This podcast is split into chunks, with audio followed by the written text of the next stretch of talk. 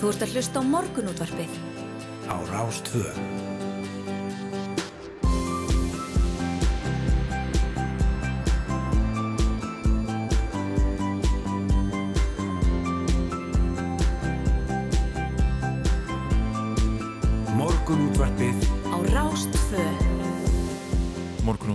Góðan dag miðugudaginn 17. ágúst klukkuna vantar einhverjar tíu mínútur í sjö og það er yngvar þór og snæður og sindrudóttir sem ætla að vera hérna með okkur til klukkan nýju í dag. Já, góðan og blessan daginn, gaman að því.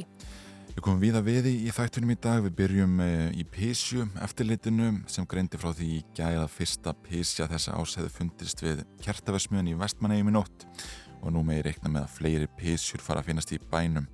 Margrit Lilja Magnúsdóttir sem komið hefur að skráningu þeirra verður á línni hérna í, í byrjun þáttar.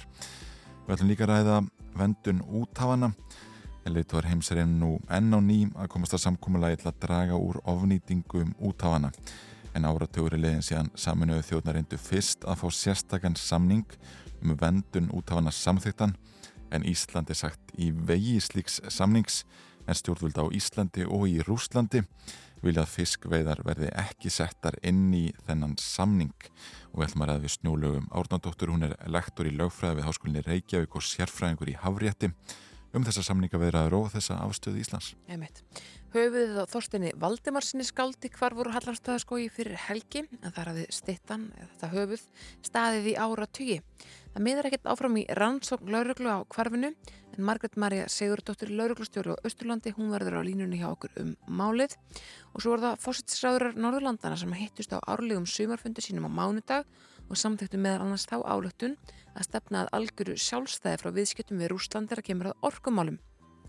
Yfirlýsingin opnar á breytta sín í orkumálum Norðurlandana og Evrópu allra raunar og vekur upp spurningar um stöðu Íslands í þessum efnum. Við fellum að þessum þetta máli gær en í dag ætlum við að ræða það svona, já, beint á það eins og maður myndi segja upp á ennskunarunum við hana Höllurhund Lóðadóttur Orkumálar stjóra sem að kemur til okkar til að gera þessa yfirlýsingu upp. Já, og síðan alltaf verða umtilda vikurflutninga. Jú, jú, sveitastjórar á Suðurlandi þeir leggjast gegn áformum um vikurflutninga frá Mýrdalsandi um þjóðvegin eins og áallanir fyrirtækisins EP Powers Minerals gerir áfyrir en það er stemt á það að keira næstu hundrað árin með fulla vörubíla vikri frá Mýrdalsandi til Þorlagshafnar á 15 mínúna fresti allan sólurhengin. Framkom í tíu fréttum í gerkvöldi að íbúarsvæðinu hafi sömulegis miklar efarsamdur um þennan umfyrraðfunga en eitt aðal áhugjöfni fólks á svæðinu er ástand vega. Bergþóra Þorkelsdóttir, forstjóri vegagerðinar, hún er búin að skoða málið undanfarnar daga með sínum fólki og ætlar að koma til okkar upp klokkan halv nýju. Já, og í lok þáttar alltaf verið við Brynjuhöld Óskarsdóttir, öryggis og varnarmála fræðing. En á mánudagin var árliði frá því að Talibana náðu aftur völdum í Afganistan og síðan þá hafa íbúlansir þurft að glíma við skert réttindi og mikla efnagskreppu og já, Brynja þekkir stöðu Afganistan vel bæði vegna möntunar sinnar og hún er fyrrum starfsmæður allarsvarsbandaraksins í Afganistan. Emitt. Ef ekki að líta þess að á fórsíðu bladana, hvað er fréttablaðið að bjóða upp á þetta? Fréttablaðið með litla fimmufrétt eins og verður svona kallar um, um, um matarkörfuna, það er alltaf eitthvað sem að við neytundur erum að velta fyrir okkur verð á matarkörfunu breytist lítið á melli júli og ágúst hér á landi og mun minna enn í til dæmis Breitlandi og Fraklandi það kemur fram í verðkörnun sem veritabús framkvæmdi í netverslunum í síðustu viku, þannig að það er kannski verðt að taka það fram að þetta, er, þetta eru netverslunum sem þarna er undir en ekki, ekki uh, stóru matvöruverslunar mm. kannaði 100 vörur í netverslunum. Þar sem að verð vantaði var að hillverði verslunum kannad og matakarran hér hækkaði um 0,15% á milli mánuða. Ávextur og græmiti lækkuði verði og einni kjött og fiskur en mjölkur og drikkjafuru stóðu á mestu stað.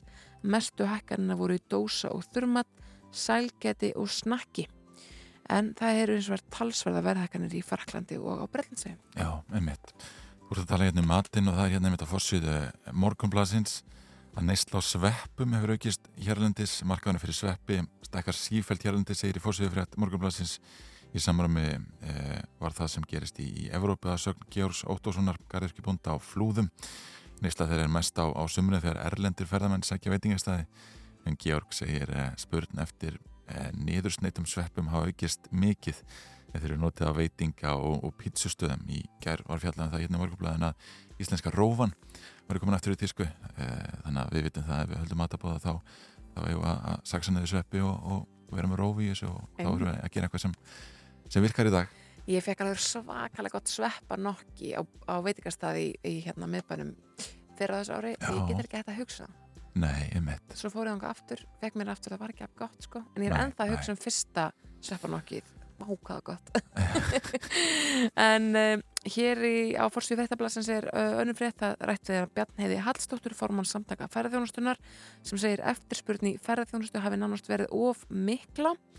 Uh, hún segir að grei- greinin hafi verið á gífurleiri siglingu, eftirspurnin nánast verið of mikil, bæði stjórnvöld og greinin þurfa að læra af þessari stöðu engin, engin greinandi hafi séð fyrir að greinin tæki svona hratt við sér, segja megi að það hafi verið nánast of mikið að gera. Uh, hún segir við höfum ákveðna afkasta getu og erum með takmarkandi þætti sem er svo þjónusta sem ferðamaðurinn þarf á að halda og þar hafi verið að reyka okkur á veggi vegna þess að það er ekki nóg til.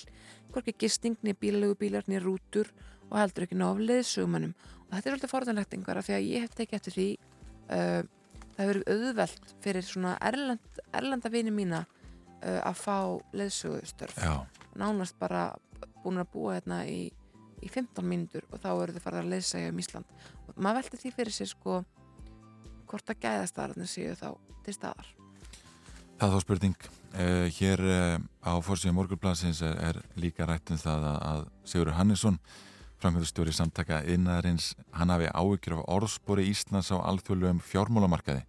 Ef franska sjóstýringafyrirtækið Ardian fellur frá kaupum á Mílu, dótturfyrirtæki Símans vegna afskipta samkeppnis eftirlitsins. Þetta verður ekki góð skilabóð fyrir erlendam fjárfestingu á Íslandi um fjárfestingu sem við þurfum á að halda til þess að byggja upp, segir Sigur hérna. Hér eru mörg tækifæri en til þess að þau verði að veruleika þau að stjórnvöld að vera í liði með atvinnulífinu til að sækja þau og bæti við að, ja, til þess þurfu þau aðeins að gera tvent senda út merkjum að Erlend fjárfesting sé velkomin og riðja úr vegi hindrunum. Uh, og hér sagt afskipti samkeppnis eftirlitsins geti orðið mjög afdrifa rík Einmitt. Hér á síðu fjögur í fréttablaðinu er talað um, uh, um uh, landsliðið okkar í Brits. Já, en það á að tilkynna nýjan landslishóp í dag í semst opnum flokki í Brits. Og það eru vist eitthvað vandraði í sumar. Þá, uh, þá var árangur liðsins uh, á Evropamótunu sá versti um ára tuga skeið talin óviðunandi. Og uh, það var vist eitthvað einangra aðtökir sem kom aðna upp sem að allir þessu. Það er uh, haft hér eftir eftir Jóni Baldurssoni sem er heimsmeistari Brits og nýráðin landsliðs innvaldur eins og það er sagt hér í blæðinu, ég veit ekki hvort það sé formulega titill. Að, að agabrótt í leiðinu hafi, hafi hérna, verið lítið sem enginn í gegnum árin eitt einangar til við já, akkurat. Við fyrir nú að skipta yfir á, á fréttastofun að fá fréttir klukkan sjö og síðan alltaf að fara já, vel yfir veður og færið eins og við gerum alltaf að loknum sjö fréttum. Já, síðan alltaf að ræða písjur og útöfin og, og uh, vegamálin, orkumálin. Hvað ætlum að koma við við.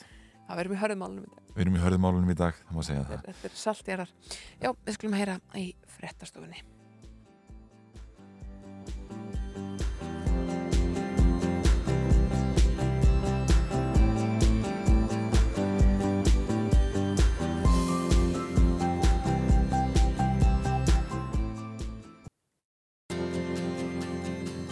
Þú ert að hlusta á morgunútvarpið á Rástvö.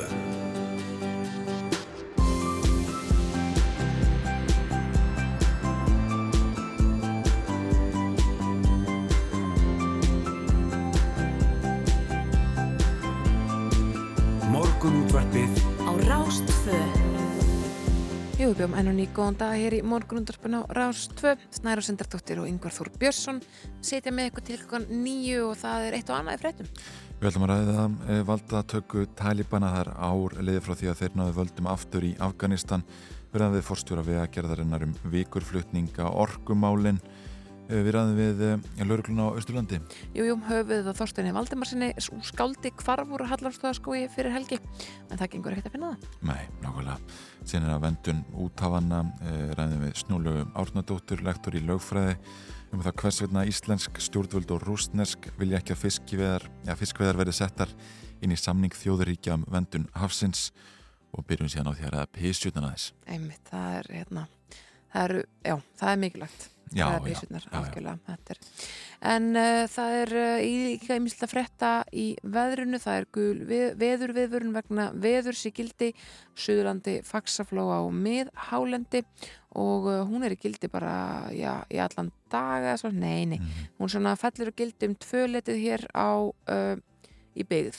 Já, tekur gildi hér um áttaleitið uh, á Suðurlandi um uh, sjö og, og á miðhálendinu sjö. Já, sko, ég myndi segja að hún sé, uh, sko, já, mér fannst bara skýta veður í morgun. Það var skýtaður en, en kannski ekki gul, kannski en ekki ég myndi, veist, ég myndi samt segja að þetta sé ekki svona lappi viður nei, myndi, ég, það er svona mín skilgrinning á því þannig að, að hérna, kannski alltaf læg það að þó hún takk ekki gildi fyrir nátt að, að, að það er bara leiðilegt að fara út daginn Já. svona gangandi nema bara að maður sé í ansi góðri skel sko. já, já, þetta er hressandi bara ég segja það. Ég, já, jú, jú, jú. Það er hessandi að maður inni. Nei, nei, ég segi svona. Það segir hér í hugleðingu viðurfræðings að við ættum mikið lagið sem er staðsett sér suðu vestur landinu stjórn í veðrinu hjá okkur næstu daga. Suðaustan hvaðsviðri eða stormur með talsverðir rigningu sunnan og vestarlands og miðhálundinu fram eftir degi. Ekkert útvista viður á þeim slóðum. Það þykna svo upp í öðrum landslutum suðaustlag 8, 8 til 15 metrar á sekundu síðdeis í dag talsverð regning á suðausturlandum tíma eftir hádegi en hún verður á austferðum í kvöld og annars eru víða skúrir. Það er heldur hægari austan og síðan norðaustan átt á morgun áfram vætu samt. Þannig að þessi lagð hún leikur okkur grátt uh, að minnsta kosti fram að helginni. Emmett. Hér á fórsöðu uh, vegagerðarinnar uh, er talað um það að unnið að lagningu klæðingar á þingvallavegi á Mórsaseiði. Það eru umferðastýring á ásvæðin og geta orðið einhverjar tafir á umferð.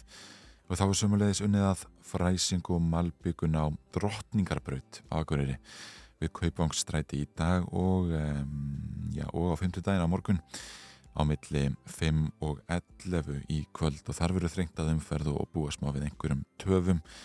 Sumu sögur að segja á Ísturlandi vegna vinnu við borgarfjörðaveg. Er vegurinn grófur og búast má við miklu steinkasti og mælt með að fólk fari róastunguvegu og lagarfossveg og það er unnið að fræsinga á borgarfjörðavegi við hérasflóa og vegfærandur bennur um að aka með gátt. Einmitt. Jú, jú, en uh, eins og við nefndir þessum í gær þá er menninganótt framöndan. Já, Tónaflóð Rásar 2 verður í banastöði á uh, lögadaginn á Arnarhóli já, já. og þar verður þessi hérna hljómsveit að tróða upp. Þetta er flott með lagið Mér drull.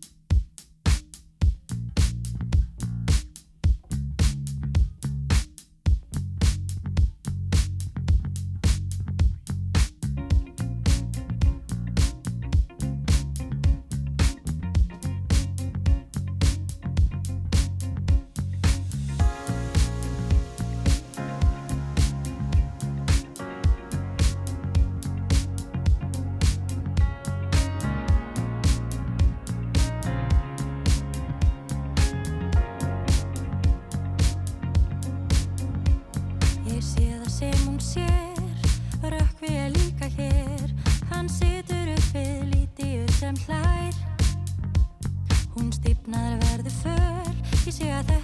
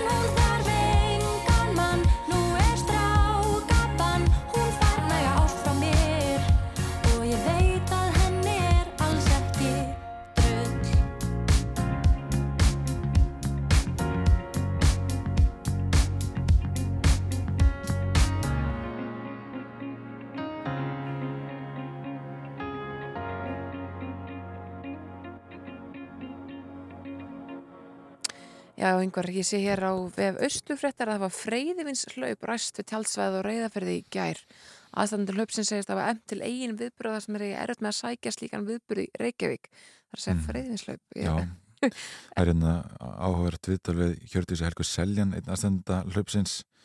Við erum nokkrar vínkonur hér sem höfum áhuga á freyðivinni reyfingu góðum félagskap og okkur langaði sögur en komist ekki þannig að við skipluðum okkar eigið bætur um við. Einmitt. Það er svona hérna, maður veldi fyrir sér eftir faraldurinn og allt þetta, hvort að það er minni þáttaka í Reykjavíkumarathoninu eða meiri vegna þess að fólk hefur verið að hlaupa meira Mhm, kannski, mhm. þú svo reyfing sem alltaf verður að stunda Jú, jú.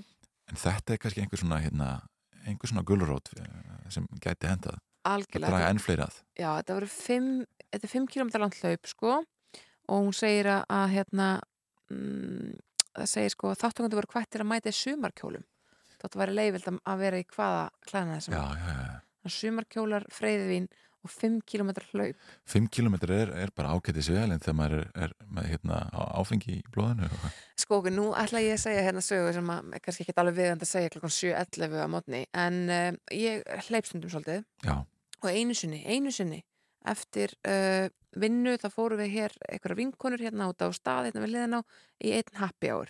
Og ég fekk mér tvö freyðisklös eins og, Mhm. eins og fer svo heim, það var blíðskapaveður dásaldveður, það var september í fyrra. Eða hitt fyrra, ég man ekki hvort. Það rennur allt saman í COVID. Hausti byrjaði allavega vel í fyrra að þetta þetta var vel, vel það var dásalveg dagur, ég hugsa ég fer út að hlaupa þó ég hafi farið að fengja með tvö freyðinsklos í happy hour. Náði mínum besta tíma í Já. 5 kilometrunum og hef aldrei náða að toppa ég bara sama hvað ég reynd ég hef aldrei náða að toppa besta tíman sem var þegar, eins og því að ég var með freyðvinni í blóðinu þetta er þetta, eru, þetta, þetta er ekki vísindi nei, en þetta er fast því. Við ætlum ekki að mæla með því endilega að fólk er ekki okkur marathonu helli í sig fyrir löpið nei, nei, alls ekki. En ég veit að fólk sem fyrir svona ultramarathon og svona, já, það er stundum að fá sér Guinness til dæmis til þess að það er svo mikil næring í bjórnum. Já, einmitt. Til þess að, að hérna, vinna upp á móti einhverju, einhverju næringatapi já, þannig að það er, það er allt til í þessu Já, já, freyðvinslaup er allavega eitthvað nýtt sem, sem uh, já, ég hef allavega ekki hirt af áður Nei, fyrir þau fóru að hlaupa þetta núna fyrir, fyrir austan. en ég mæli frekar með því að vera í hlaupafötum heldur sumarkjólum þegar maður er að þessu. Já, ég hugsa það nú er það og sérstaklega það vegalengdirnar lengjast eitthvað. Já. Um, já, það er spurning hvort við fáum bara næsta lag. Áður en við ringjum í vestmann Já, já, ég og vekjum okkur almennilega. Algjörlega, þetta er One and Only með Gabriels. Svo fyrir við að skokka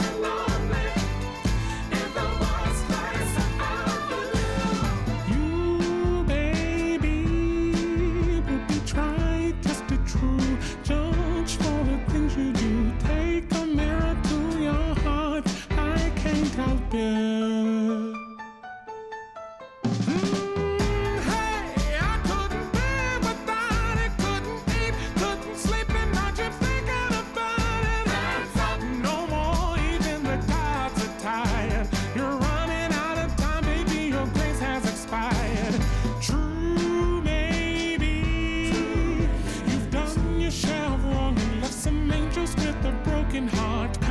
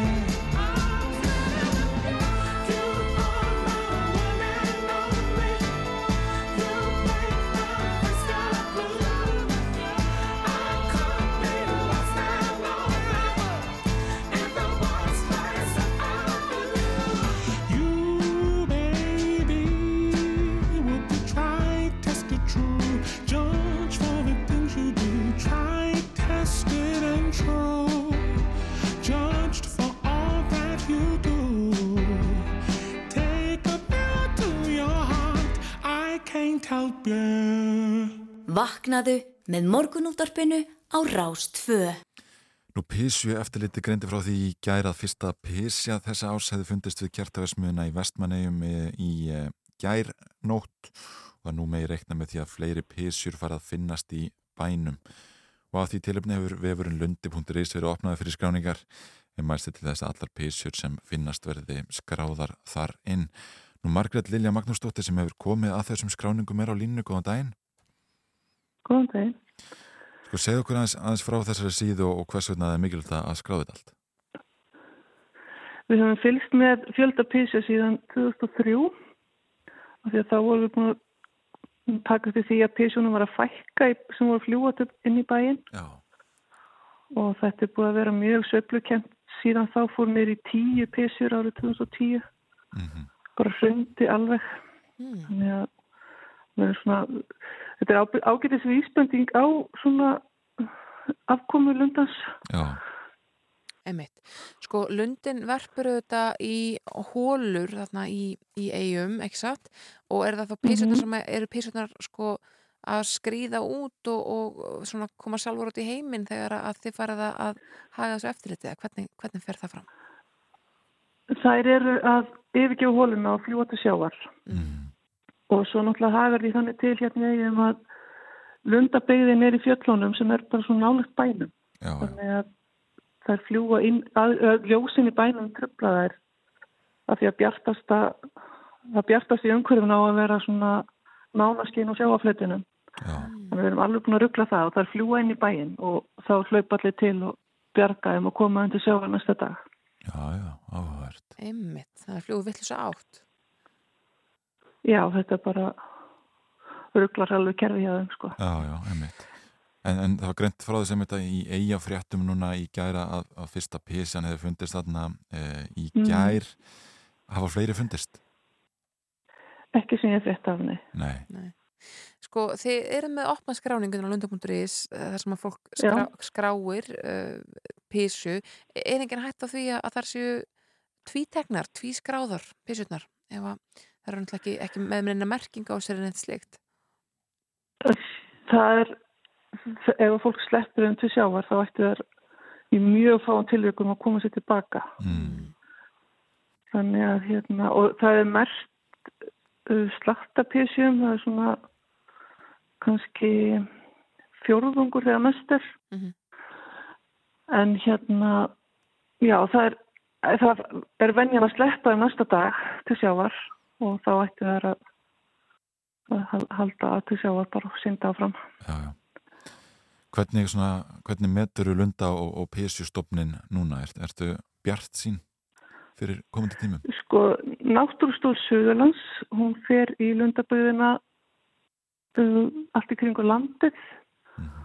tvisar og þumri og metur svona hvað eru margar písjur, eða satt, já, svona að kalla ábúð, hvað er versti margar hólur og ástand písjana og, og allt þetta. Já, Og þetta leit voða vel út í byrjun sumar, en þegar þeir fóru aftur í lók júli, þá var bara auðar písjur og, og, og löndin bara farin og Já. Þannig að það verður svona bendi til að það sé einhvers konar fæðuskortur eða eitthvað sem hefur gerst þarna í sumar Ok. sem við vitum ekki hvað er. Það var auðvitað svolítið fuggladauði fyrir austan uh, fyrri í vor.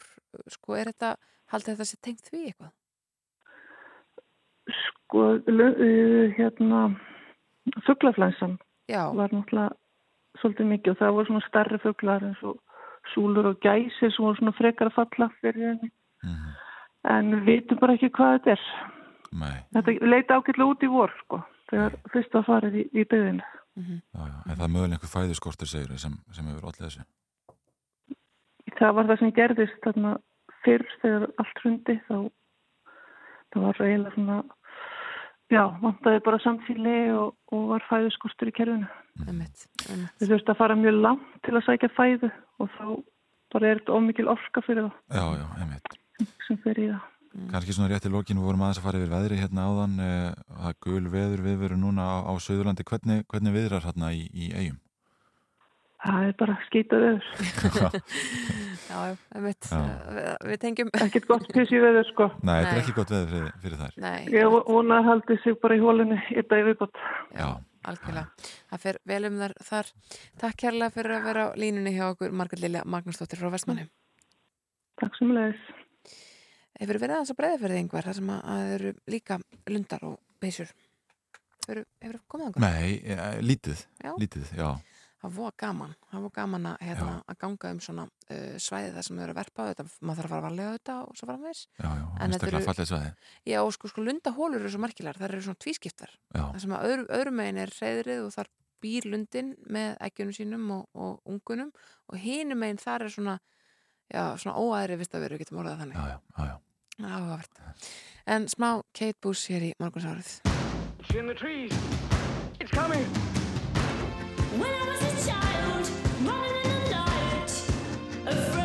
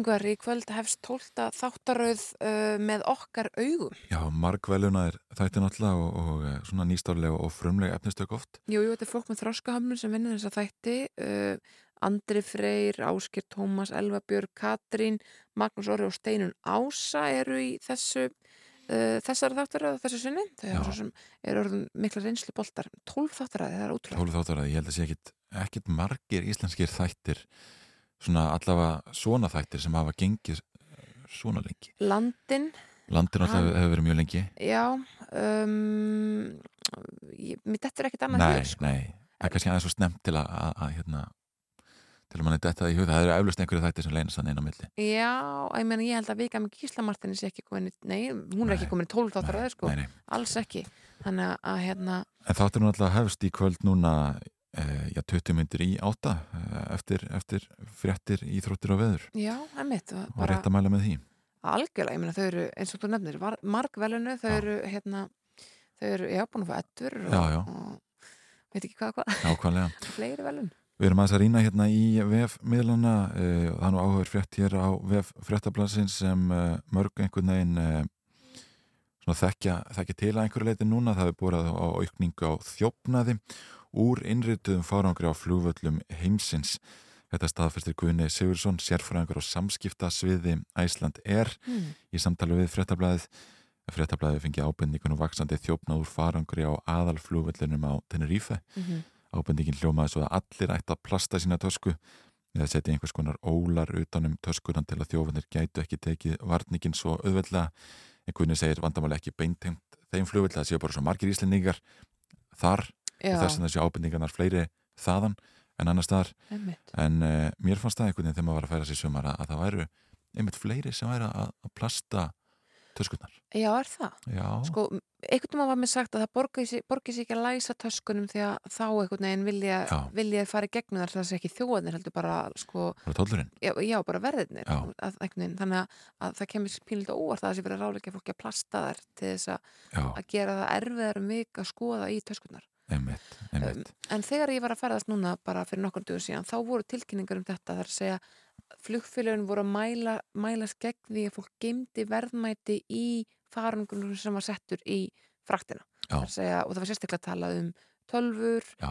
spjald tölfur, myndavélabúnað slíkt efni, það ætti ekki að fara það er, fólk ætti að taka það með sér í handfarangur frekar heldur en að setja það í fraktina Já, já, nákvæmlega og, eh, og bara rétt alveg að, að pæla í þessum hlutum eh, sko þegar hérna lagt er að staði ferðalagi ég ferðast í sumar og, og, og þá voru ennþá verkfull á þessum flugullum og, og Mhm. annars líkt og, og þá voru heilu gangarnir af töskum sem enginn hefði sótt og hefði ekki skilað sér sérst á á þetta færiband mm -hmm. sem er þarna. Og, þá er nú allavega skára að hafa töskuna læsta, myndi maður halda. Ég er að horfa hér á uh, morgun sjónvarp BBC, það verðist að hafa sprungið hús, ég sé ekki hvað það er en, en eitthvað staðar í Breitlandi bara í nánast heilu lægi, þetta er svona íbúðar, íbúðar hérna svona rað, raðlengja, Já, já, já. það er bara eitt hús bara í, já það er ekki mikið eftir af því, ef ég á að segja alveg svo er. Merkilegt, það koma kannski fréttir af þessu inn á vef BBC síðar í dag. En það komið að frétta yfirliti frá fréttastofu Ríkisútarsins svo ætlum við að fjalla um vendun úthafana. Já, akkurat leitvar heims reyna enn á nýja að koma á samkommulagi til að draga úr ofnýtingum úthafana. Það er áratugur síðan saminuðu þjóðna reyndu fyrst að fá sérstakann samning, um, samþyktan um þetta mál. En það er Ísland og Rúsland sem standi í vegi fyrir, ja, einhver leita allavega fyrir því að þessi samningur uh, sé samþyktur. Heimitt, hún kemur til okkur snjóli átundóttir lektor í lögfræði til að ræða þessa mál en fyrst fréttavild.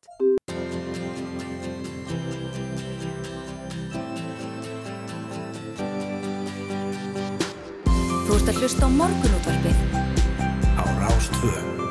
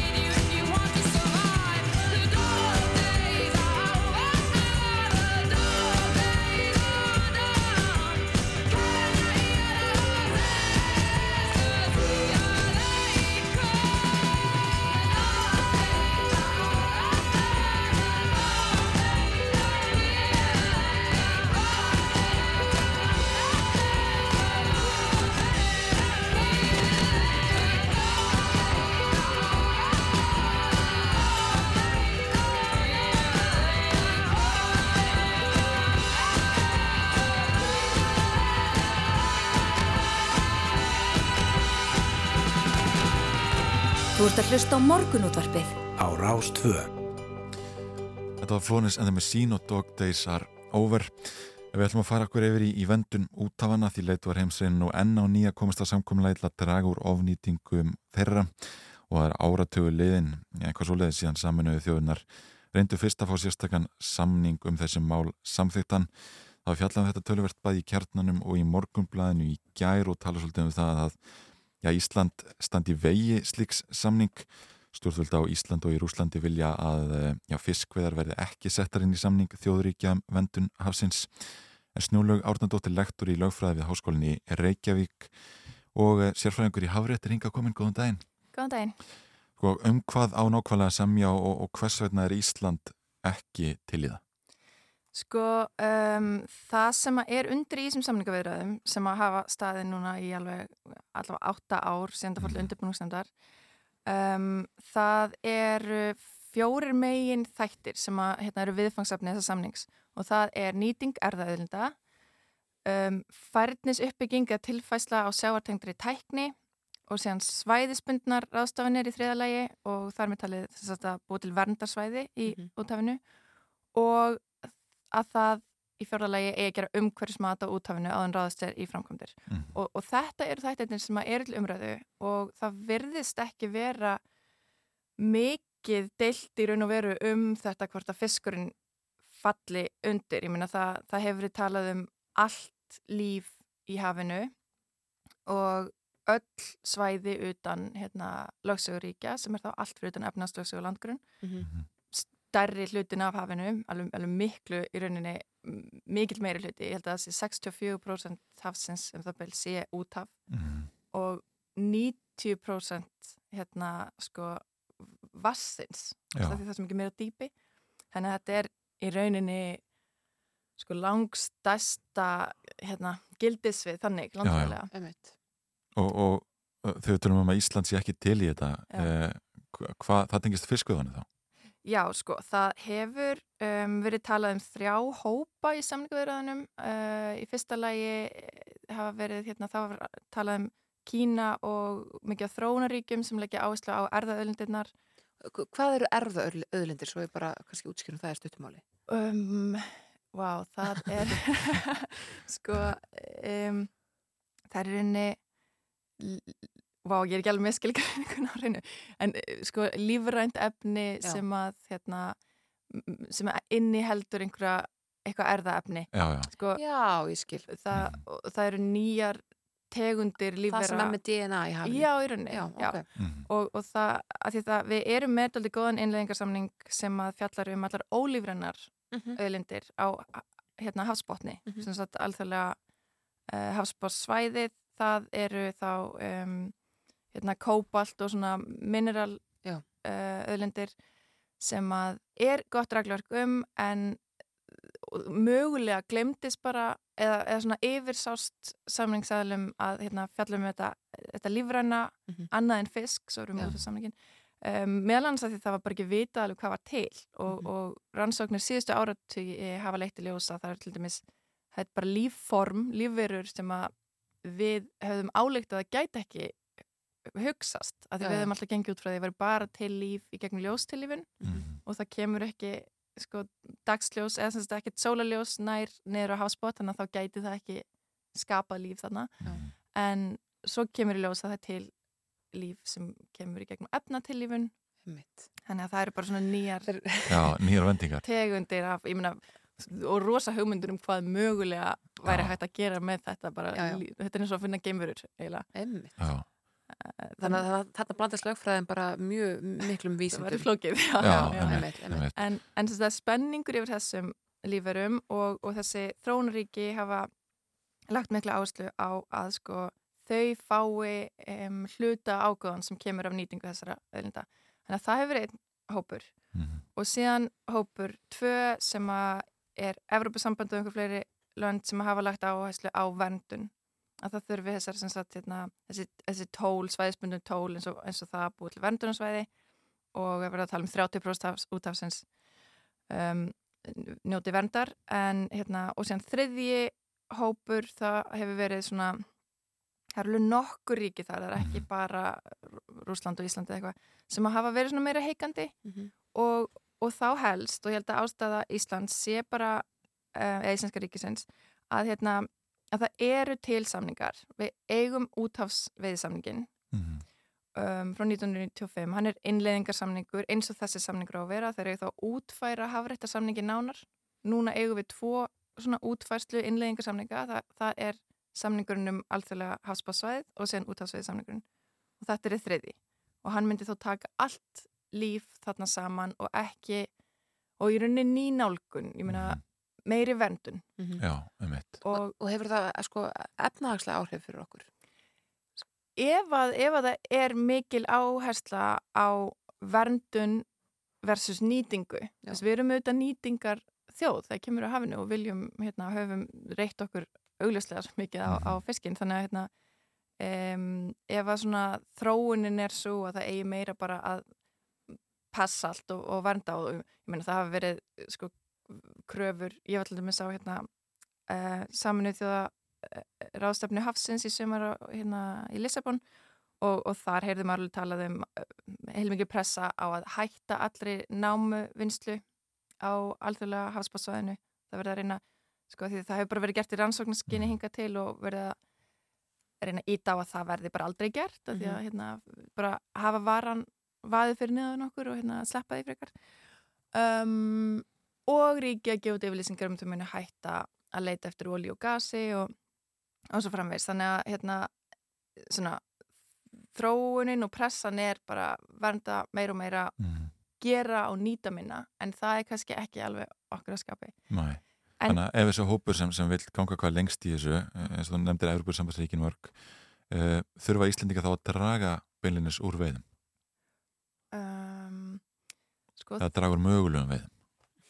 Það gæti verið á útafinu Já. ég meina ekki á okkar uh, hafsvæðum og, og, og sem sagt fiskisöfnar sem koma inn í okkar lögsugu þá heyrir það beint undir útafsveiðsamningin og það, það eru hérna svæðisbundnar um, fiskveiðstjórnunar stopnarnir sem, a, sem að ráða þeim um, hérna, hvernig fer með þá veiði og það myndir unni ekki mikið breytast og, og svo sko þetta er líka punkturinn sem Íslandi með sem er alveg réttur að það er til regluverk sem gildir um nánast alla eða mest alla úthafsfiskveiði og ef við myndum setja nýja reglur í þennan samning um sama hlut Mhm. þá væri það bara, myndi auka á hérna, brotakent regluverk og, sem er oft vandamál, sérstaklega í umhverfisrétti Mhm. að við erum einhvern veginn með allt og marga samninga út um allt sem eru á einni annan hátt að koma sama viðfangsefninu og maður veit Mhm. ekki hvert maður á að leita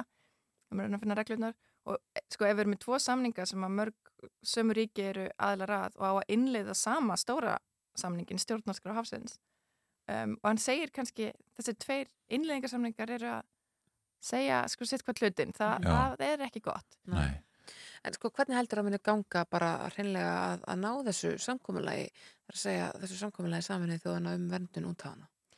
Ég, mér heyrist á fólki sem er þarna núna í, hérna, mætti samningaviðraður út til New York að um, fólk sé alveg bjart sínt, kannski ekki á að samningar takist núna í þetta skipti, það eru þessi nokkru dagar sem fari í, í þessar ástöfnu, en, og það hefur verið talað um að þetta eigi vera síðasta, sko, atrennan og hérna, að verða að takast núna, en mér heyrist eins og kannski verði þá eitt skipti viðbót og þá, og þá Mhm. farið í höfn. En mikið hefur gæst á síðustu mánuðum loksins svona komin svona raunveruleg einhvern veginn mynd eða fólk svona að færa sér nær hvort öðru.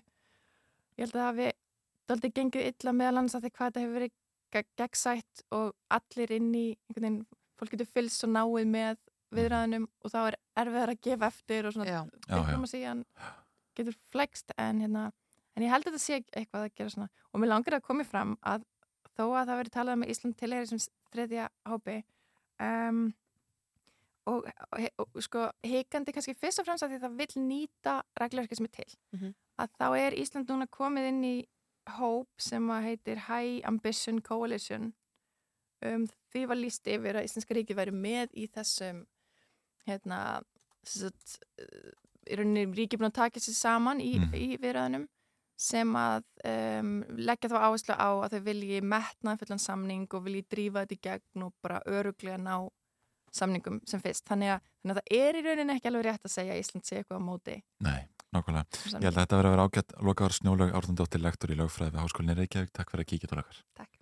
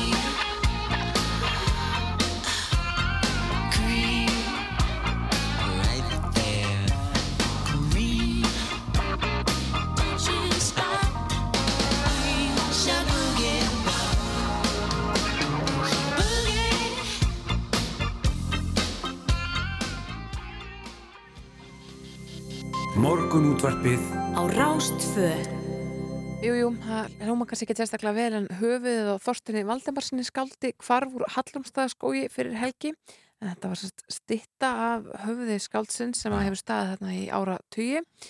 Uh, hún er komin á línu hjá okkur Margret Marja Sigurdóttir, lauruglustjóri á Austurlandi. Góðan daginn, Margret.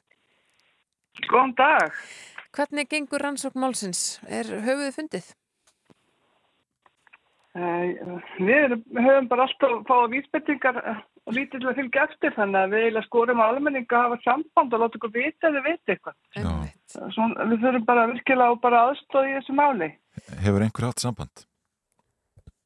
Ekki það, ég veit þið til sko. Nei. Þannig að ég mjána með þetta að það er njútarpið og þá kannski, kannski hérna gerist eitthvað. Einmitt. Þetta er stitta af uh, þessu skáldi Þorsteini Valdimarsinni sem er búin að standa upp á svona já, stöppli eða, eða eila, já, þetta er svona stuðlaberg eila sem að, að hérna, uh, í Hallorstaðskói bara um, um margar ára bil og svo verður skóavörður uh, þess var núna fyrir helgi að höfuð þessi horfið.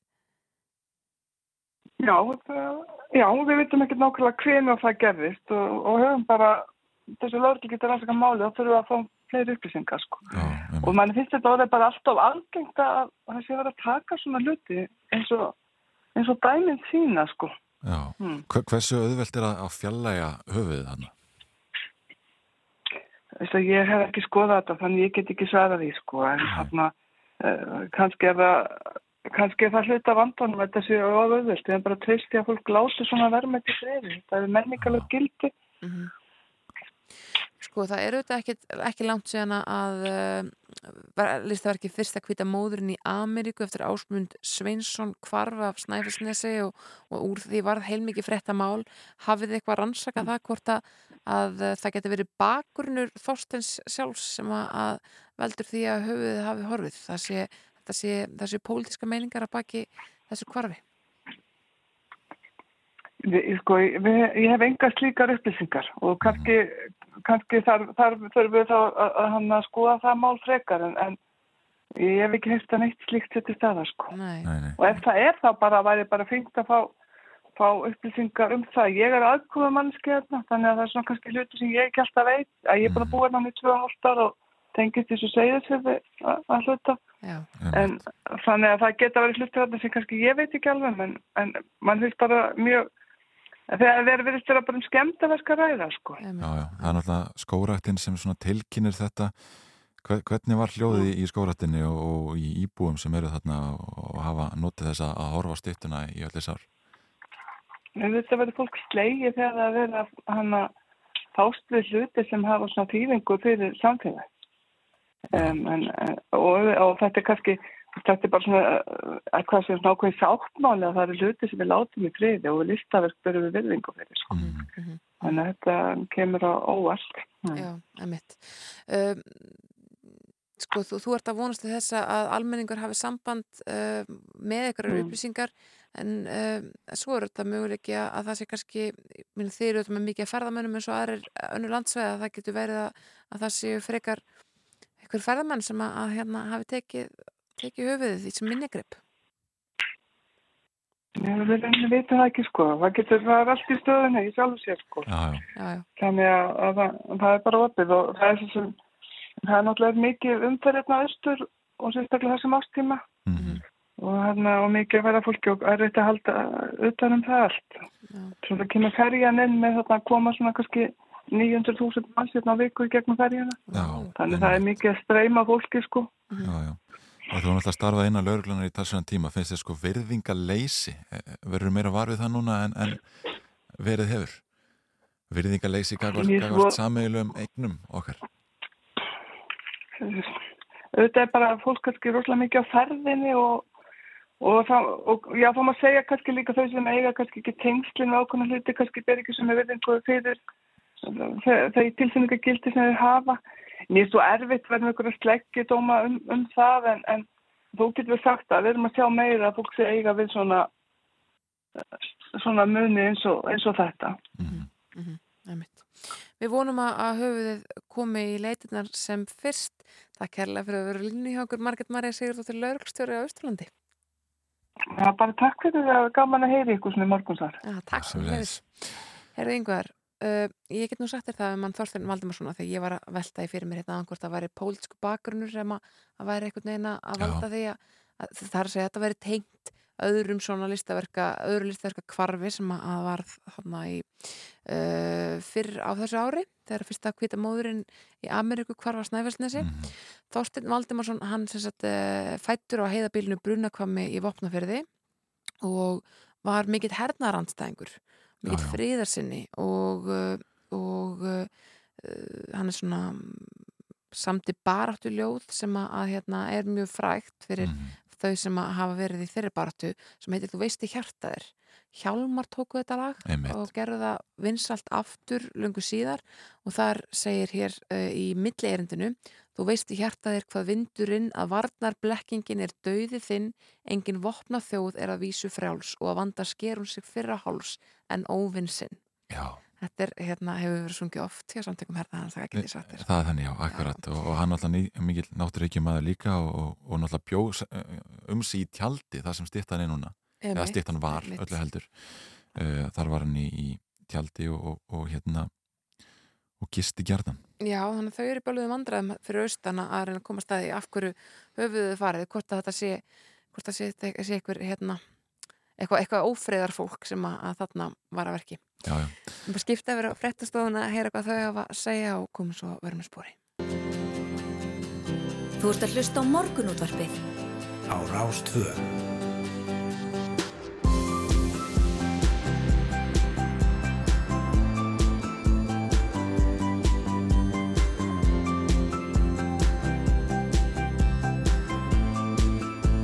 Morgunútvarpið. Á Rástvö.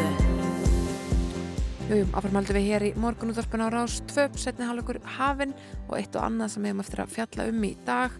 Meðal annars uh, já, það er ár liðið frá því að Talibanin náðu aftur völdum í Afganistan. Við ætlum að ræða þessa þungaflutninga sem eru framöndan uh, á vikri frá Mýrdalsandi og svo ætlum við að ræða orkumálin. Jú, jú, akkurat. Fórsættisráðurar Norrlandana hittust á árlegum sumarfundir sínum á, á mánudag og samþýttu meðal annars þá álutin að stefnað algjöru sjálfstæði frá viðskiptum við Rúsland þegar kemur að orkumálum. Og hingaði komin Hallar Hund Lóadóttir orkumálastjóri, góðan dag. Góðan daginn. Hvað bar svona helst í þessum yfirlýsingum varandi orkumálin frá uh, fórsættisráðurinn? Það sem var í sjálfu sér ánægilegt varandi þessa yfirlýsingu er það að það hefur verið að taka skýra afstöðu að stefna ótröðað orkuskiptum á sama tíma og það er alltaf að vera erfiðara fyrir Evrópu, meginland Evrópu, að verða óháð rússum og verða þá óháð ef að e, fjallaðist á rússum að, að fara ekki þá grifju, falla ekki þá grifju að nýta meira af e, kólum og öðru slíku. Mhm. Þannig að það er ánægilegt að sjá þannig pólitiska vilja að því að við þurfum mikinn pólitískan vilja til þess að ná orkuskiptunum og til þess að ná lofslagsmarkmiðunum. Þannig ég myndi segja að, að, að, að það að sjá svona skýra afstöðu sé eitthvað sem að kannski, skipti mestumáli. En ég held líka að við horfum á Norðurlöndin að þá eru þau í sjálfu sér í einstakri stöðu í Evrópu við að leiða þessa orkuskipta verkferð af því að það er svo stór hluti nú þegar af þeirra orku nótkun sem að kemur frá endunýjanlegum orkugjöfu. Mm. Uh, ef þið lítið á Noreg uh, og Svíþjóð þar er vassablið eins og hérna heima, tölur stór hluti. Síðan er það uh, lífdísillin í, í Finnlandi, uh, síðan er það vindorkan í, í, í Danmörku og svo framvegs. Og, og öll eru þetta rík uh, lönd, uh, tildulega fámenn í sjálfu sér. Þannig að ef einhver á að geta leitt þessi, þessa orkuskipta vekkferð, að þá eru Norðurlöndin sérstaklega uh, vel í stakk búin til þess og auðvitað Ísland í sérstaklega góður stöðu ef við horfum á hlutvalli því að við erum lengst komin.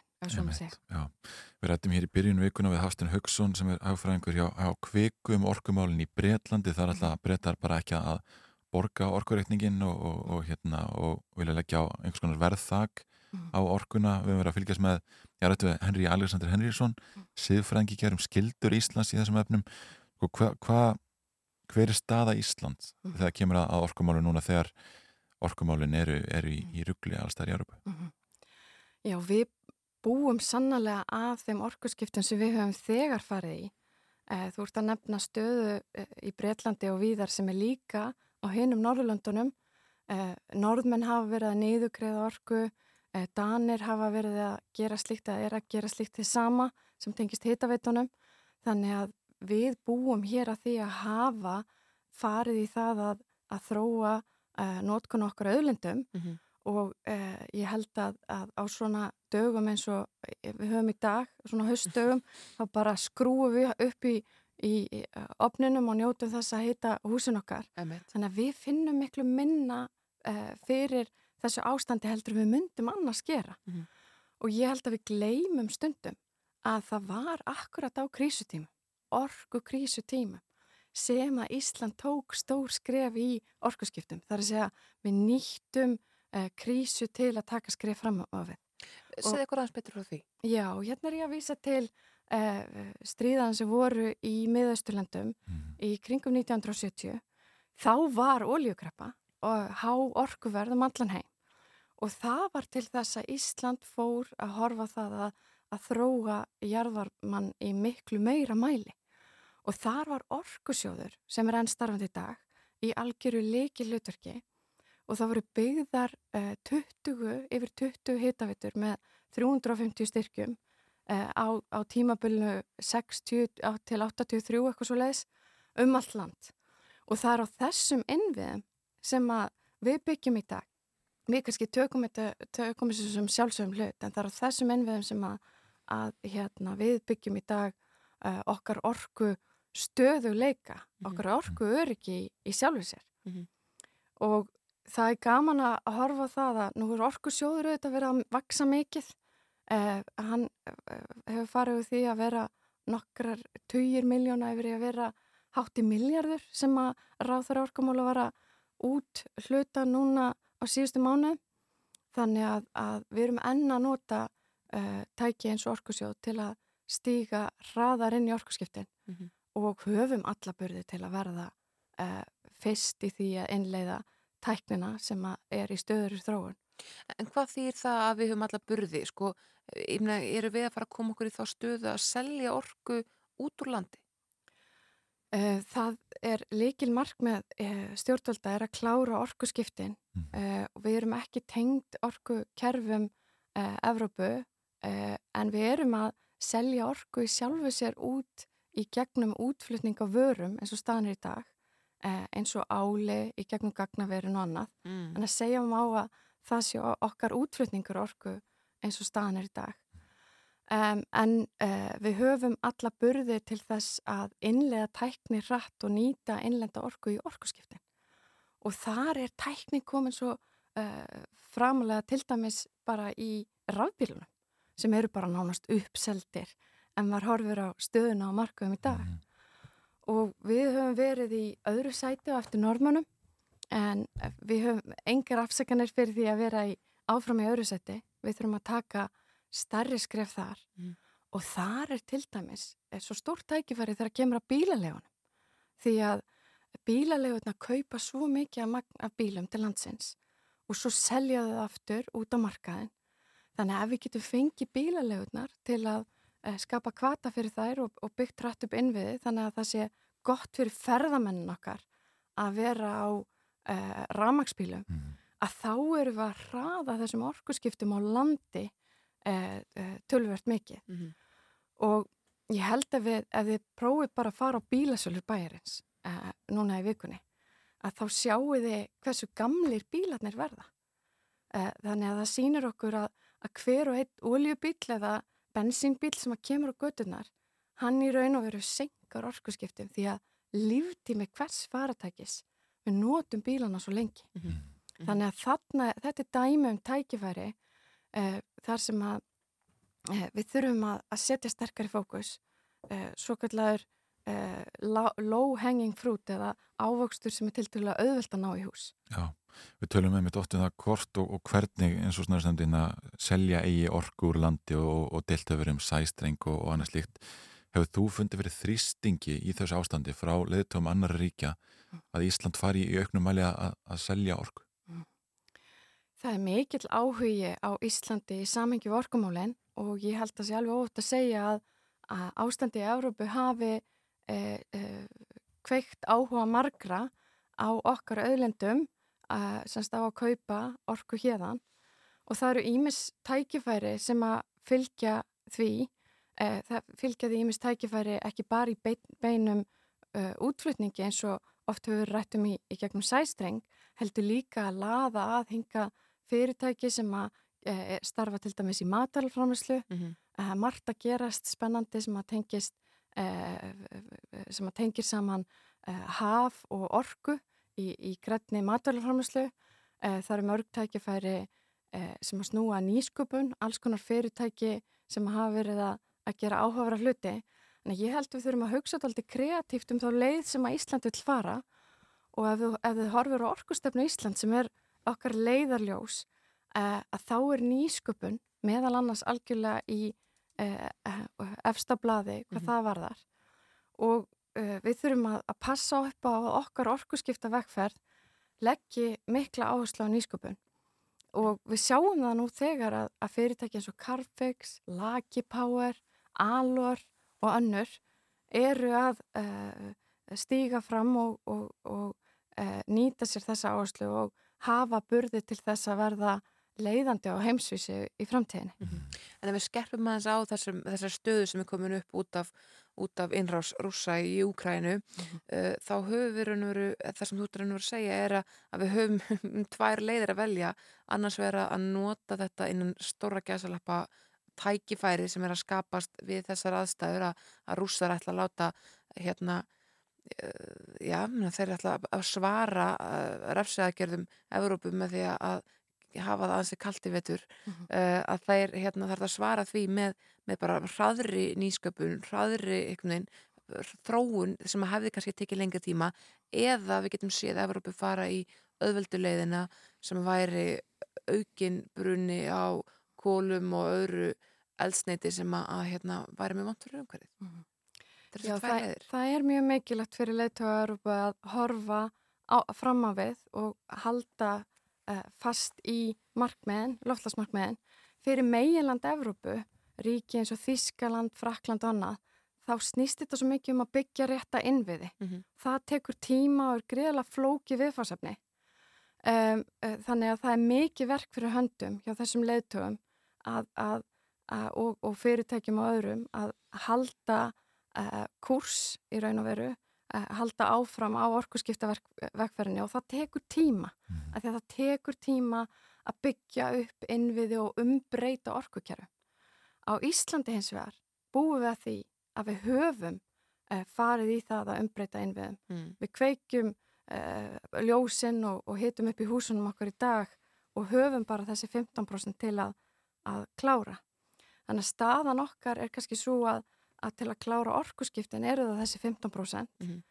uh, og ég myndi segja að, að það sé uh, uh, í raun og veru óhætt að, að nefna að það að fara í orkuskiptin og klára þau, verða fyrst til að klára þau. Öll tæknir auðvitað ekki til en uh, rafbilarnir og annað er langt komið sé stærsta viðskiptatækifæri í sjálfu sér sem að Ísland hefur. Mm. Og af hverju er það? Það er vegna þess að uh, það er ekki bara það að vera leiðandi á því sviði að vera fyrst í heiminum að einhverju, heldur er það mjög verðmætt fyrir okkar útflutning, saman hvort að það er fiskur eða ál eða hugvit, að uh, það komi frá landi grætnar orku, vöru sem eru framleita með grætna orku, uh, er, verða og er að verða og verða verðmættari en, en aðrar vörur. Mm. En það er bara svona út á hugafarsbreytingu neytenda þá? Já, það bara vegna þess að neytundur hugsa meira og meira um það að, að, að þeirra val sé í samhengi við sjálfbærni og annað. Mm. Þannig að það er uh, stórt tæki fyrir okkur. Á sama tíma við þurfum líka bara að hugsa um það að græna orkan, ein og sér, framlegslan hennar, það er ólí okkar tíma. Áður var þetta ólíjan, í dag er þetta græna orkan sem að mun knýja samfélagin og það hvernig við notum hana í að klára orkuskiptin uh, í skrefum uh, er stórt tækifæri uh, efnaðslega, það er stórt tækifæri umhverfslega Mm. og það er stórt tækifæri fyrir nýsköpun og framþróun. Mm. Þannig að, að uh, það er áttinn sem að við erum að vinna að og í þessu samengi við Norðurlanda yfirlýsinguna að þá er Íslandi sjálfur sér einstakar stöðu þar. Já, við tölum um tækifæri hérna fyrir Ísland og Norrlöndin en ef við lítum fram á næstu mánuðu almennt í Evrópu hefur áhyggjur af stöðumála. Það er mjög krefjandi staða í Evrópu uh, vegna þess að rússar hafa enn uh, mikil áhrif á orkunótkun og það geta orðið tiltulla uh, skjótar breytingar á stöðunni. Um, þar að leiðandi eru leiðtóður Evrópu að leggja allt sitt kapp á að fylla uh, gasbyrðir hafa nógu mikið af gasi uh, til þess að bregðast við ef að eitthvað kemur upp á og það er kannski það sem er áhugavert og, og krísan í Evrópu er að sína að uh, orkukrísin í Evrópu snýst svo mikið um það að hafa aðganga grunn orku. Það er að segja ekki bara orku eins og sólarorku og vindorku sem er stundum í gangi og stundum ekki heldur að orku eins og uh, náttúrulegu gasi, kjarnorku eða öðru. Mhm. Það er það sem að Evrópu vantar svo mikið af en við erum svo heppin uh, hér á Íslandi að hafa töluvert mikið af því. Mhm. Við höfum vassablið og jarðhittan og annað. Og erum að skoða vindorkuna. Erum að skoða vindorkuna þannig að það er uh, margt sem að þarf að, að horfa á í okkar samingi Mhm. og stór tækifæri uh, fyrir okkur að, að vanda okkur í vekkferðinni og geta litið stolt tilbaka þegar kemur orkskiptan. Þannig að alla meira rókn en nokkur starf annars þar í Európu en hér, þannig að það er spurning hva, hvert við stefnum í þessum efnum. Já, já. Hallarhund Lóðadóttir, orkumála stjóri, takk kærlega fyrir að vera hjá okkur í morgunúttarpinu. Takk fyrir mig.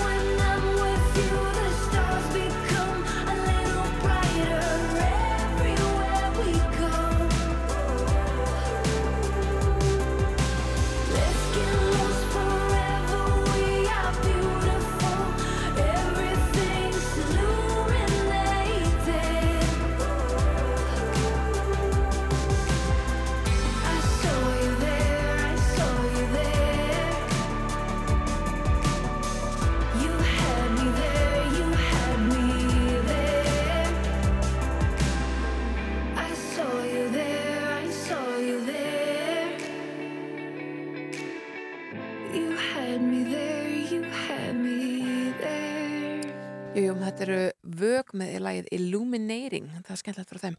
Einmitt. Hér er kjarnina greinin frá yngvar að uh, dróna sem starfsmenn Kvalsáhaf hyrtu af dagskrágerðamennum svisneska ríkisfjölmiðlisins SRG SSR við kvalstöðuna í kvalferði síðustu viku hafa verið skilað til lauruglu um helgina og laurugla kom þessum drón, dróna svo í hendur svisneska ríkisfjölmiðsins sem að heldur svo landibrótt á sunnudag. Já, töluvert rættum þennan dróna núna einmitt í síðustu viku. Það er ásmundur Kristín Ásmundsson hjá lauruglun og Akranesi sem segir hérna í samtalið í kjarnan að staðistir þetta og segir að skýslutökur hafi verið fram í málunu sem sé áfram til skoðunar hjá lauruglu enda gengu kærur á báðabóa Mm -hmm. Kvalur HF kærði láflú á drónunum yfir kvalstöðinni en dagsókjara teimið frá Sviss kærði stuld á dróna. Ótrúlega mál. Já og það sem er líka ótrúlega í þessu er að hann segir að lauruglan hafi verið reyðbúin til að ráðast í húsleitaraðgerð í kvalstöðinu til þess að hafa upp á dróna svislendingan en til þess hafi ekki þurft að koma. Og það er spurning hvort þeir hafi verið, verið, verið búin að segja þeim hjá kval HF frá því að, ef þeir myndi ekki skila drónunum þá myndu þeir ráðast í, í húsleit. Já, en sko ég velti fyrir mér hver lagaramenn sé uh, ef að þeir ef að þeir áttu eitthvað við minniskortið eða skilur við efnið sem á drónanum var.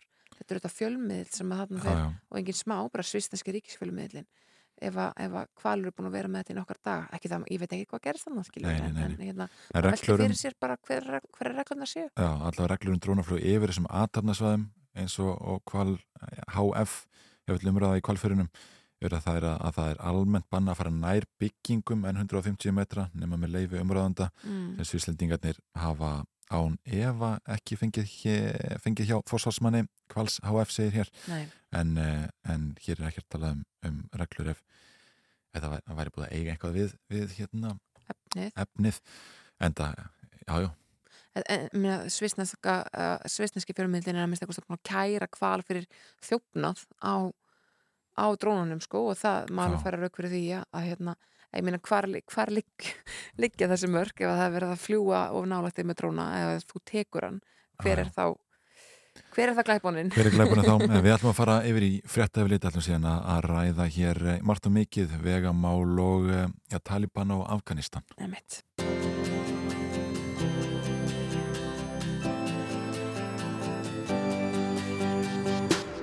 Þú ert að hlusta á morgunútvarpið á Rástvö. Fréttaflit að bækja og morgunútrapið heldur hér áfram og nú ætlum við að ræða þá staðarinn að sveitastjóra á Suðurlandi leggjast gegn áformum um vikurflutninga frá Míldalsandi um þjóðvegin eins og áallanir fyrirtækisins EP Powers Minerals gera ráð fyrir.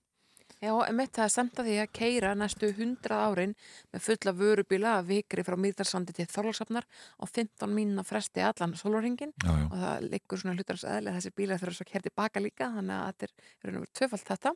Hún er komin inga til okkar Bergþóra Þorkilsdóttir forstjóri vegagerðarnar hún er búin að vera að skoða þetta mál undanfarna daga. Verður velkomin.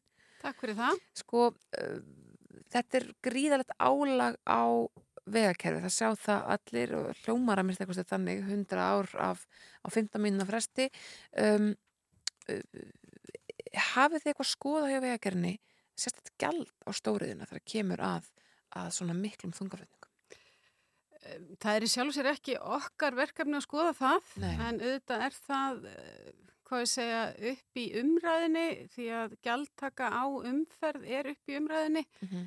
Nú er náttúrulega ákveðin þunga skattur svo við þekkjum en, en sem sagt, ég held að það sé ekki verið að ljóstrupninu lendamáli ef við segja að, að öll gjaldtaka á umferð er sem sagt eh, í deglunni og þá fyrst og fremst á hennu pólitíska sviði. Það er að segja að, að eh, þessi, þessar tekjur sem ríki fær í gegnum eldsneiti þær fara hratt þerrandi og, og hérna ríki þarf þá einhvern veginn að finna út úr því hvernig það ætlar að að taka gjald uh, til þess að standa undir uh, þessu samgöngukerfi sem við höfum og, og, og, og bara áframhaldandi uppbyggingu þess. Mm.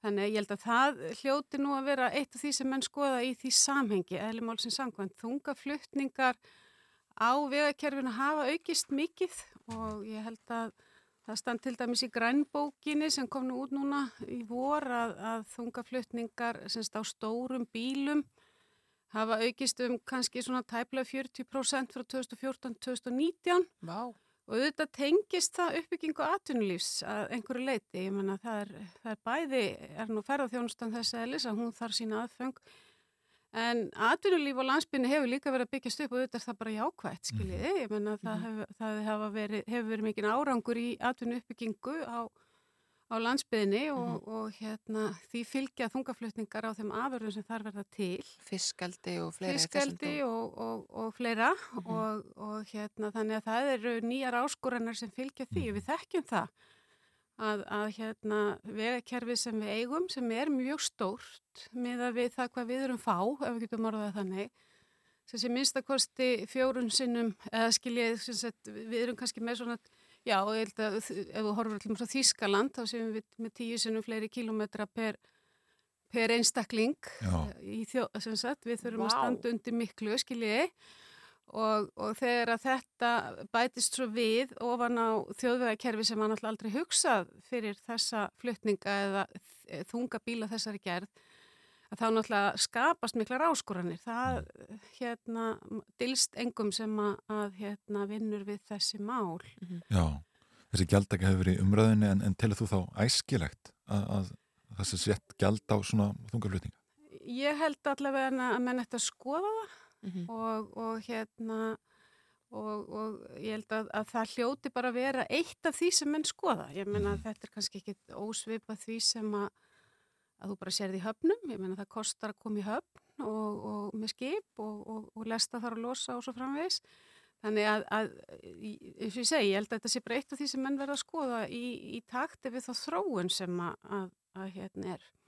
Sko samgöngukerfið og vegakerfið er svona einn af þessum uh, já, kannski þremur svona stóru, stóru útgjaldaliðum sem að teknir eru úr samneyslunni um, borga með skotturum okkar og svo framvegis Uh, svona þungaflutningar eins og þarna er verið að tala um uh, stórir bílar með sko með hlass af, af vikri uh, á 15 mínúna fresti allan sólurhengin í 100 ár. Hver er eðslan á bara malbyggi og veist, hvað þarf mikið að hversu mikið þarf að bæta það upp eða við erum að tala um svona, svona Sko, ég held að, að, að við verum að, sagt, ef við verum að horfa á áhrifin af skyndilegri viðbótin í vegakerfi af þessari gerð, þá horfum við kannski á það á tvennanhátt. Annars er það fyrst og er það bara vegakerfi sjálft. Mhm.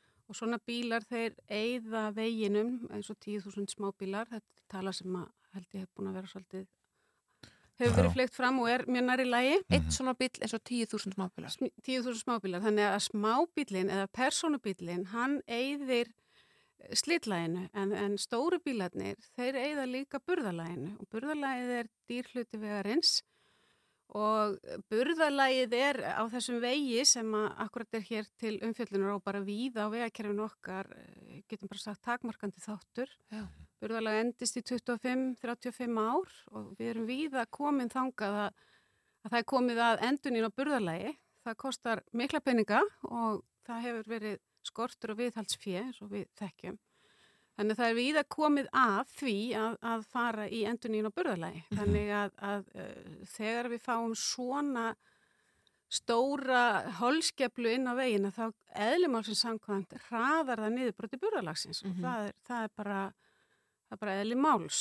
Hvaða hraðar því mikið það er bara misjöft eftir því hvernig ástandið er á viðkomandi vegakabla Mhm. sumir kablar hafa verið endur nýjar og aðrir ekki og svo framvegis þannig að mikið af þessu vegakerfi eh, er frá því á setni hluta síðustu aldar og það voru bara alltaf aðstæður uppi og verið að byggja vegi fyrir allt annað umhverfi Nú, hinn þátturinn sem að er til skoðunar þegar að eh, svona álita efni komin á borðið er náttúrulega bara áhrifin af þessu umferðamagni inn á vegakerfi sem er, segja, þungt hlaðið fyrir. Uh, við erum náttúrulega uh, með uh, nýjan yðnaði, við getum orðað þannig, sem er ferðarþjónustan sem að, að er uh, orðin burðarás í mörgum byggðarlögum og kannski flestum. Og einmitt þetta á Suðurlandi. Og einmitt á Suðurlandi hefur, er það bara, það, sem sagt, veginnir eru þunglestaðir af uh, bílum sem tengjast ferðamannaðinanum, uh, sérstaklega. Og þá er spurningin hvaða áhrif hefur það þegar að svona bílar koma inn í þessu magni og þessari tíðni, bæði inn á vegakerfið og svo inn í þessi litlu þorp sem eru þarna, sem eru það fjögur og svo náttúrulega inn á Selfos. Mhm. Og uh, það kemur líka fram í grænbókinni sem að, að mjög snú svolítið gaman að vitni að þau eru nýbúin að klára hana ásand góðum hópi fólks uh, í þessum geira að er vaksandi áhyggjur, þar í samráðsferlinu komið fram vaksandi áhyggjur eh, heimamanna af vaksandi þungaumferð, að það færi illa saman við ferðarþjónustuna. Þannig að það er líka kannski svona svolítið nýtt sjónarhott sem að, að er að koma inn í, ég skulum segja bara umræðina um það, hvernig hlutinir er að byggjast upp og hvernig þróunin er. Mhm. Þannig að, að hérna, það segir sér sjálft að fyrir lítinn bæ eins og Kolsvöll eða hellu að fá bíl og sjömyndna fresti eh, sem er kannski yfir 30 tonn og kannski jafnvel upp undir yngstu bílarnir eru náttúrulega talsveit mikið þingra en það að eh, þetta hefur það áhrif skiljið, það hefur áhrif á, á ásýnd og umferðuröryggi nú uh, svona mikið magn af þungum og löngum bílum getur haft áhrif á flæði umferðar, það getur eh, orðið til þess að framúrakstur er meiri. Og það eru svona ýmsar, ýms sjónarhótt sem, sem að koma upp þegar að, að, að þetta er til umfjölluna. En það eru fyrst og fremst þessi tveir þættir sem að, sem að við eh, skoðum. Mm. Hvers vegna heldur að þetta hafi ekki verið skoðað fyrr að, að ég meina, þetta er, þetta er nefndir 10.000 bíla við það ekki? Já. Já, að eitt svona flutningabíl sé á við 10.000 fólksbíla. Það er ótrúlega tala. Það er ótrúlega tala. Eh, þetta hlýtur að, að sko, þetta náttúrulega kallar miklu umræðu en, en hvers vegna hefur ekki verið ráðist í, í þá innspýtingu í, í vegakerfið eða einhvers konar gjaldtöku fyrr? Já, ég, sko, ég held að, að þið séð að leita í sko rangu húsi að svörum við hérna strategíu ríksins í gjaldtöku vegna þess að hún er bara ekki á mínu borði. Og, og hérna en auðvitað eins og ég segi hef, er, er það málefni sem er til í mikilli deglu og, og hérna bara nefni samvinnuverkefnin sem eru þó á okkar borði skiluru þar sem við erum að fara í, í bara tiltekna framkvæmdur og flýta þeim með því að taka fyrir þær gjald. Mhm. Eh, Þessi þekking á niðurbroti burðalagsins er ekkert ný en, en sem sagt vegakerfið er náttúrulega bæði fyrir eh, hérna hvað segja, almenning og atvinnlífið. Vegakerfið er náttúrulega líka byggt upp fyrir atvinnlífið og, og hérna, uppbygging atvinnlífs og landsbyðin er náttúrulega eitthvað sem búir að stefna leint og ljó stað, Já, já. svona almennt séð. En það er engin launing á því að, að sko atbyrðarásin frá 2010 þegar að ferðaman- ferðaþjónustan fer á flug og ímisvönur atvinnuppbygging er hraðari heldur en uppbygging innviða og mun hraðari Mm. Og það er mikil þörf á því að spýta í bæði uppbyggingu innviða og viðhald á þeim innviðum sem eru Mhm. og þegar að, að álæðið verður svona mikið þá verður það augljósara að það þarf að gera það mm. þannig að Það hefur sko mikið verið rætt og svona kannski gustað undanferðin ári kringum vegagerðina varandi bara gæði Malbyggs og, og fleira í þeim dúr. Sko ráðið þið, mér segjum að þið fengjuð hérna peninga á þessar innspýtingu, sko ráðið þið, hafið þið mannablan og, og sérfræðaþekninguna og, og allt það til þess að hlaupa á stað og, undirbúa veginn okkar undir já, svona mikla þungaflutninga og þarna er verið að tala um. Ég held að við höfum uh, ágættis kapacitet í, í, hérna, til framkvæmd og viðhalds en, uh, og ég bara vitna til þess að, að framkvæmda magvegagerðana tvöfaldaðist á mill 2018-2020 þannig að það, svo hratt gáttu við hlaupið að stað Okay. og við framkvæmdum fyrir 34 miljard á síðasta ári þannig að það er um dágóð upphæð. En hins vegar, það er vegagerð, hvort sem það er viðhaldið nýframkvæmdir, ekki áhlaupsverkefni. Nei. Þetta er segfljótandi business sem maður getur orðað að þannig. Þetta eru langir ferlar. Þetta er bara svo Malbyggs. Já, sem þurfa, já, þetta er segfljótandi business og, og þetta eru langir og, og, og hérna, þungir ferlar sem þurfa bara að vera unnir rétt og í réttu samhengi við nærumhverfið og þannig að undirbúningur það er hendar við að gera afar illa að fá innspyttingu í mæ sem á að gerast í júni og, og, og lö- það regluverk sem við búum við gerir einfallega ekki ráð fyrir slíku sko. Þannig að, að ég mæni nú alltaf með að, að þegar kemur uppbyggingu innviða allavega þegar kemur uppbyggingu samgöngu innviða þá, þá sé sko bara best að halda góðum dampi hérna, bara, bara stöðugum góðum dampi. Einmitt, alveg var vel. Bergþóra Þorkilsdóttir, uh, forstjóri vegagerðinar. Takk kærlega fyrir komuna í morgunúttarpið.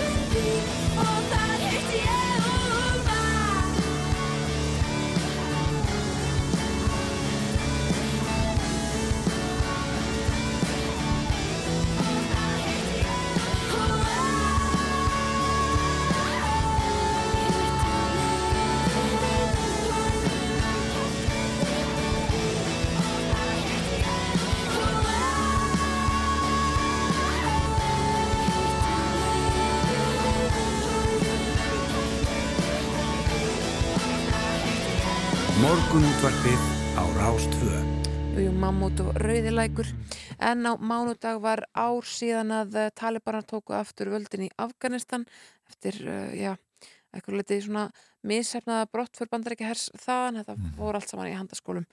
Hún er komin inga til okkar Brynja Huld Óskarsdóttir, öryggis og varnamálasérfræðingur. Góðan daginn. Sko, eh, uh, fylgst með því hvernig íbúar hafa þurft að glíma við skjerti réttindi síðan að talibanar tóku við og, og mikla efnaðskreppu. Hvernig er lífið núna í Afganistan? Sko lífið í Afganistan, það sem maður hefur séð í fjölmjölum er auðvitað bara frekar grimt.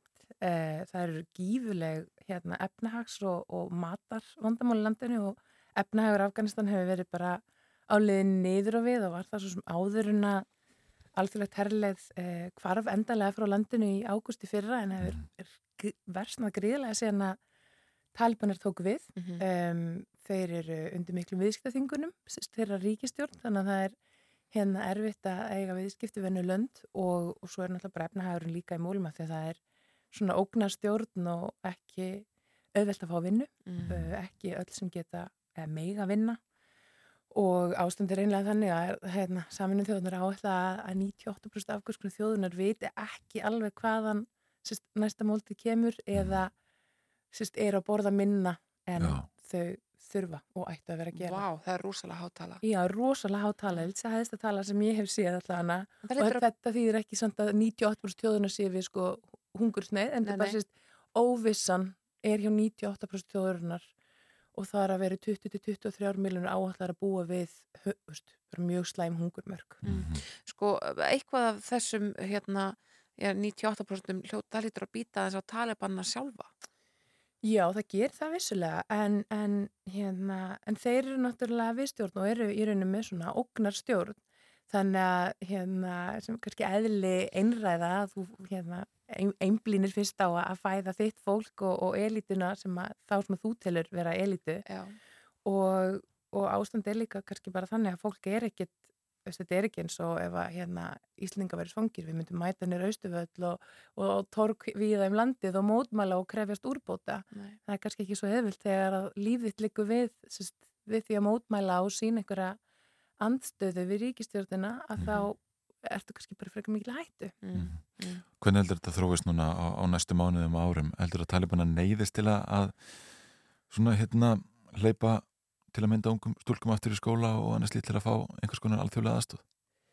Sko maður myndi óska að það væri niðurstaðan og, og hérna Taliban náttúrulega hafa sérst undanferði ár bannað stúlkum eldur en 12 ára í rauninu bara frá úlingastegu upp og voru að ganga í skóla um, og svona líti einhverju blindu augu að konum sem voru nú þegar í sérst æðri mentastofnum sérst í háskóla og svona hérna alltaf svona að leifa þeim innan geslappa að klára sitt nám Já. Uh, en stelpur, sérst, 12 ára eldri fá ekki að fara í skóla og ég svona að vissuleiti voru réttindi hvenna notuð sem einhvers konar uh, réttlæting um tíma fyrir því að alþjóðlega herliði væri ennþá í landinu mm síðustliðin ár.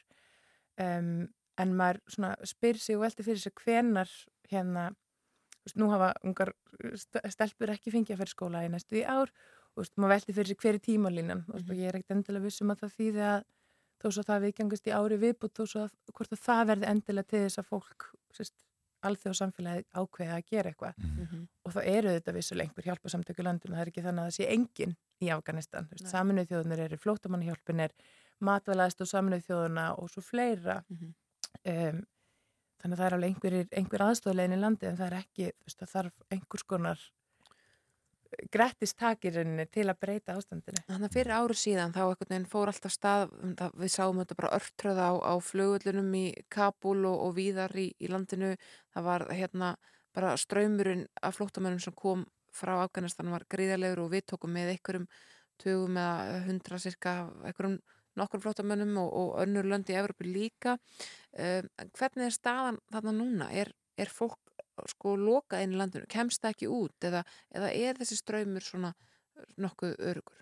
Sko, hann, ég myndi ekki segja að hann var eitthvað svona nokkuð, hann er náttúrulega ekki örugur, Nei. en hann er kannski að einhver leiti stöður en hann er miklu minni. Það er miklu erfið að komast úr landi, talibanar hafa skert ferðafrelsi frelsi fólks gífilega, Já. konur meg ekki ferðast einar án, hérna, án karlmanns Já. sem gera þannig verkum að konur sem eiga ekki mann, bróður eða föður sem getur farið með með einhver, þær komast ekki neitt Nei. og hérna kannski búin að missa mennu sín í átökum eða, eða annað um, en fólk er náttúrulega að reyna að komast yfir til Pakistan og til Íran þessar nágranna landa en ef að fólk næra landamærinu þá er náttúrulega líka vandamálið að þessi lönd sem eru þarna sikkur megin við vilja ekkert endilega fá endalist á flóta fólki Nei. og hafa kannski tekið við sko hundruðum þúsunda, jafnvel miljónum og ég þekki til að mynda fólk sem eru flóttamann, flóttamannabúðum í Pakistan og þeim eru pínu svona allir vegir lokaðir og hérna flúði Afganistan komust yfir landamærin í september í fyrra og eru búin að vera núna uh, í flóttamannabúðum í Kvetta